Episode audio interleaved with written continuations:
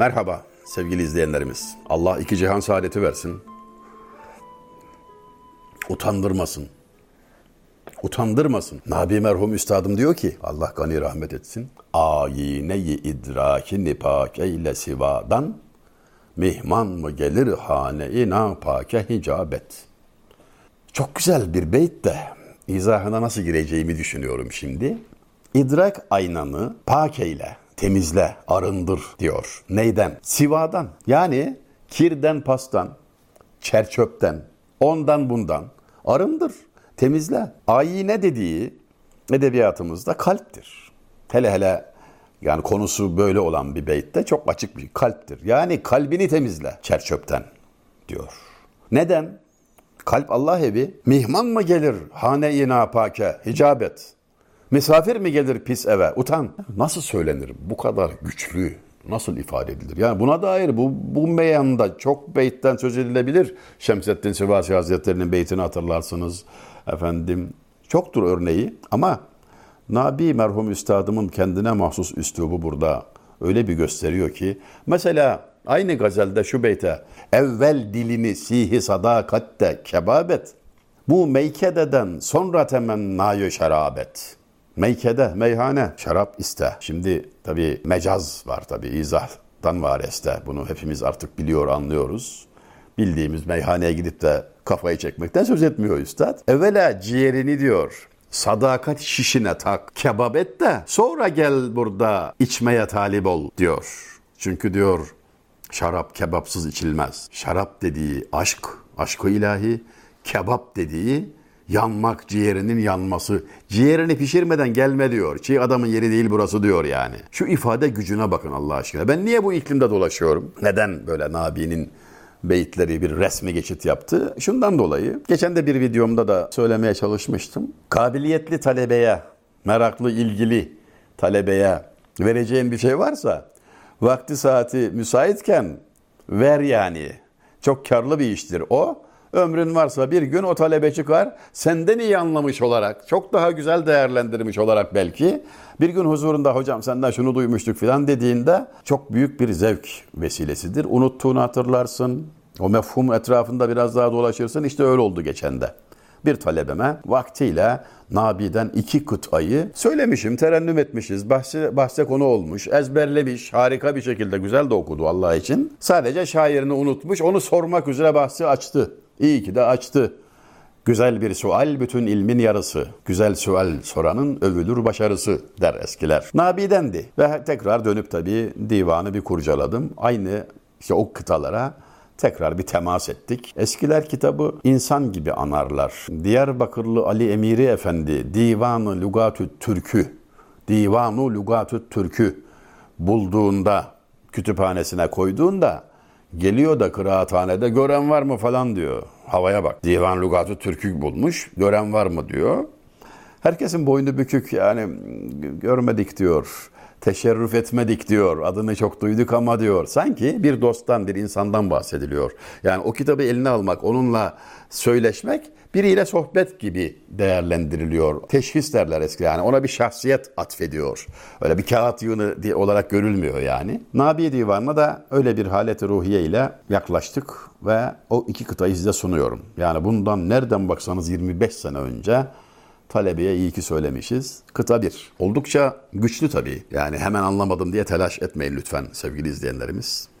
Ageh değilem bulunduğum haletten, kendim bulamam terakümü hayretten, ne vecihile olduğun yine kendi bilir, ben ayneyem yok haberim suretten. Ben agah değilim, farkında değilim, idrak ediyor değilim içinde bulunduğum hali. Anlıyor değilim yani. Ben hayret içindeyim. Hayret. Çok ihtiyacımız olan bir şey. Oldu bana sermayeyi hayret bimi ümmit, bilemem eyleyecek giriye midir, hande midir? İnan abi ben diyor hayretler içinde kaldım diyor. Korku ve ümit arasında diyor şaşkın vaziyetteyim. Acaba perde inerken diyor emaneti teslim ederken Ağlatacak mı, güldürecek mi bilemiyorum diyor. Bilemem eyleyecek. Girye midir, hande midir? Ki hande olur inşallah. Veya Necip Fazıl Üstad kuyruğu etrafında dönen kedi hayrette, alim ki hayreti yok ne boş yere gayrette diyor. Kedi bile hayret içinde diyor. Kuyruğun etrafında dönerken ey alim diyor sen hayrete ulaşmadınsa yazıklar olsun sana diyor. Senin edindiğin data diyor. Kuru bilgi bir işe yaramaz diyor. Hayrete ulaşmadınsa kendini alim zannetme diyor. Alim ilmine yansın pehlivan pazusuna. La havle ve la kuvvete illa billah diyor yani. Öte yandan Taşlıcalı Yahya. Ben ol hayranı aşkam ki yitirdim aklu idraki.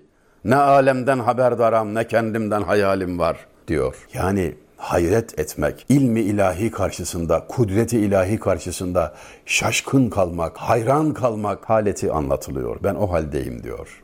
Agah değilim bulunduğum haletten. Kendim bulamam terakümü hayretten. Şimdi teraküm Lugat karıştırdım biraz bunu anlayayım diye. Yani toplanma, bir araya gelme falan demek. İsterseniz e, aldığım zevki sizinle paylaşayım sevgili izleyenler. Lugatı açtım. Teraküm kelimesini anlatırken şöyle demiş. Biriktirip yığmaktan Arapça kökenli, rekm kökü, yığılma, biriktirme, toplama. Teraküme hayret, hayret biriktirdim dedi yani şairin abi. Hayretim birikti diyor yani. Şaşkınlık içindeyim. Yalnız şuracıkta hukuk adamı, aynı zamanda şair, Mecelle yazan heyetin başkanı hatta Mecelle ona, ona atfedilir. Ahmet Cevdet Paşa merhum. Bakın bu kelimeye örnek olarak konuyor. Şimdi bunu böyle sizinle paylaşmamın sebebi şu. Yani bir heyecan uyandırma arzusundayım. Kelimenin peşine düşüyorsun neler öğreniyorsun. Mecelleden yani mecelleyi hazırlayan büyük hukukçudan şöyle bir cümleye rastlıyoruz. Müddeti icarede teraküm eden toz ve toprak ve süprüntünün tathir ve izalesi müstecir üzerinedir. Eğer üşenmezsen insan yani öğrenmek isterse şu cümlede ne kadar neşe var. Yani diyor kira süresince diyor biriken toz toprak ve süprüntüyü temizlemek ve gidermek kiracının sorumluluğundadır diyor. Yani güya bir hukuk maddesi. E, doğru gerçekten de hukuk maddesi öğreniyorsun ama bununla birlikte biraz önce de teraküm demiştik mesela. Teraküm mevzu geçmişti. Süprüntü mevzu geçmişti.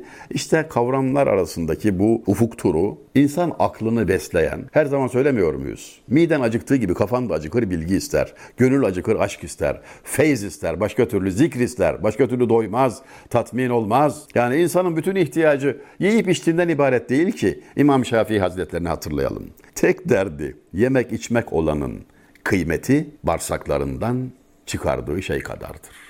Lütfen dikkat. Yani eğer diyor bütün maksadın mideyi doldurmaksa hayvan gibi. Senin değerin çıkardığın gübre kadardır diyor. Yani af buyurun ama böyle bir hikmet ehlinin her gün gelir ona da temas ederiz. İmam Şafii Hazretleri de şairdir ve muazzam şiirleri vardır. Yani enteresan. Şiiri anlatırken diyor ki yüce olanı düşüren, düşük olanı yücelten bir şeydir diyor. Yani avama şeref bahşeder, alime diyor bir gömlek düşüştür diyor.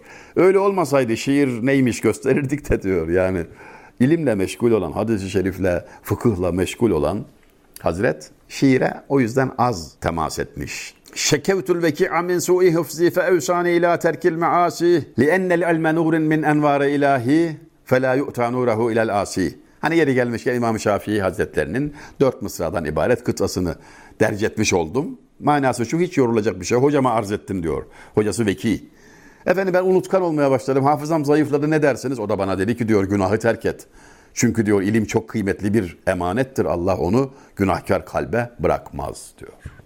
Yani şiirle az uğraşıyor ama işte böyle. Hani bir önceki sohbetimizde de Hazreti Ali Divanı'ndan söz etmiştim. Yani şiir bizde çok önemli. Dağdaki çobandan tahttaki sultana kadar bizde herkes şairdir şiirle ifade bambaşka avantajlar veriyor, imkanlar veriyor. Dokunamıyorsun, müdahale edemiyor. Hazreti Mevlana Farsça Mesnevi Şerife Divanı Kebiri yazdı. Şiirle olduğu için vezinli, ölçülü dokunamıyorsun. Yani içinden tek kelimeye dokunsan hemen göze batar, kulağa batar. Herkes fark eder. Dönüyorum Nabi'den okuduğum kıtanın üçüncü mısrağına. Ne vechile olduğunu yine kendi bilir. Ben ayineyem yok haberim suretten. Ben diyor Cenab-ı Hakk'ın yarattığı bir kulum. Kendimi bile doğru dürüst tanımıyorum diyor. Ne vecihli olduğunu, ne sebepli olduğunu, hikmetini yine kendisi bilir diyor. Ben aynayım. Aynanın suretten haberi olmaz ki diyor. Şimdi suret, aynaya bakıyorsunuz. Çok muazzam, kıymetli görüntüler falan. Ama ayna bunu bilmez. Ben aynayım diyor. Mesele ayna olmaktır işte. Ayna olabilmektir. Nabi Üstadımızın diğer kıtasına da temas edip biraz uzadı daha fazla uzatmayalım. Takey bu gam ey zehir çeşi çuğunu çera. Ala bilir ahvalini ibadın yaradan. Teslimi behiştü itirazı ateştir. Ver malikine mülkü sen çık aradan. Bunu kısa izah edeyim. Ne zamana kadar böyle gam çekeceksin diyor. Nasıl ve niçin diye soran meraklı kişi diyor. Yani nasıl ve niçin diye sorup durmak böyle tefelsüf yapmak falan hep e, hafife alınır. Yani ne, ne soruyorsun yani veren o alan o nedir senden gidecek. Telaşını gören can senin zannedecek kabiliğinde. Nesini soruyorsun diyor yani. E, Mesele ortada diyor yani eserden müessire yol var. Şöyle bir örnek verilir. Portakala bakıyorsun kokusuyla, rengiyle, tadıyla, vitamin değeriyle, gözüne, kulağına, burnuna, sana her haline, bünyene, bütün vücuduna fayda temin ediyor. E portakalı herhalde o dal vermedi. Odun bilmez beni ya. Değil mi? Beni tanımaz. Neden zevk alacağımı nereden bilsin? Belli ki Cenab-ı Hakk'ın özel ihsanı. Yani bu kadarını da mı görmedin? Tefekkür et diyor. Bir saatlik tefekkür ise şu kadar yıllık ibadetten üstün diye malum hadis var. Bitiriyorum şiirin son iki mısrağına geldik. Ala bilir ahvalini ibadın yaradan. Yarattığı kulunun ahvalini diyor. En iyi bilen Allah'tır diyor. Yarattığını o bilir diyor. Teslimi behiştü itirazı ateştir. Ona teslim olmak cennet, itirazda ateş cehenneme düşmektir. Ver malikine mülkünü, sen çık aradan. Mülkü sahibine teslim et. Lehül mülkü ve lehül hamd. Sen çık aradan. Bu şudur yani.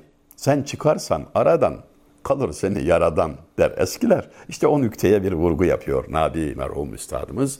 O talebeme böylelikle minnet duyduğumu e, ifade etmekten kendimi alamıyorum ama meşhur olmasın diye ismini zikretmiyorum. Böylelikle vaktiyle kendilerine iki kelam emanet ettiğimiz kimse varsa şimdi tabii onlar o zamanlar 15 16 en fazla 20 yaş aralığındaydı. Şimdi geldiler 30'a 40'a. Yani hala o neşeyi muhafaza edebildilerse çekinmesinler. Ee, bizimle temas kurup ya sen şunu duymuştun filan desinler. Bizim için büyük bir imkan oluyor. Çünkü sevgi ve bilgi paylaşıldıkça artar. Dert ve hüzün, keder paylaşıldıkça azalır biliyorsunuz sevgili izleyenlerimiz. Bilgiyi paylaşmakta e, cömert olmak lazım. Kabilli feyz olana ehli hüner buhletmez. Son söz de bu olsun.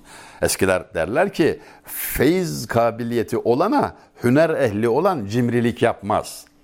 Baktın ki talebe kabiliyetli, meraklı, cömertçe verirsin, vermek istersin. Ya bu öyle bir halettir ki, öyle bir histir ki baba bile evladının kendisini geçmesini pek istemeyebilir, hoşuna gitmeyebilir ama talebesi kendini geçerse bundan zevk duyar. Öyle bir ilişki biçimidir, benzeri yoktur. Muallim talebe arasındaki ilişki. Muallim talebe. Bugünlerde öğretmen öğrenci diyoruz. Karşılamıyor da tabii. Karşılamayan kavramın içi de ona göre doluyor ya da dolmuyor, boş kalıyor. Vesselam.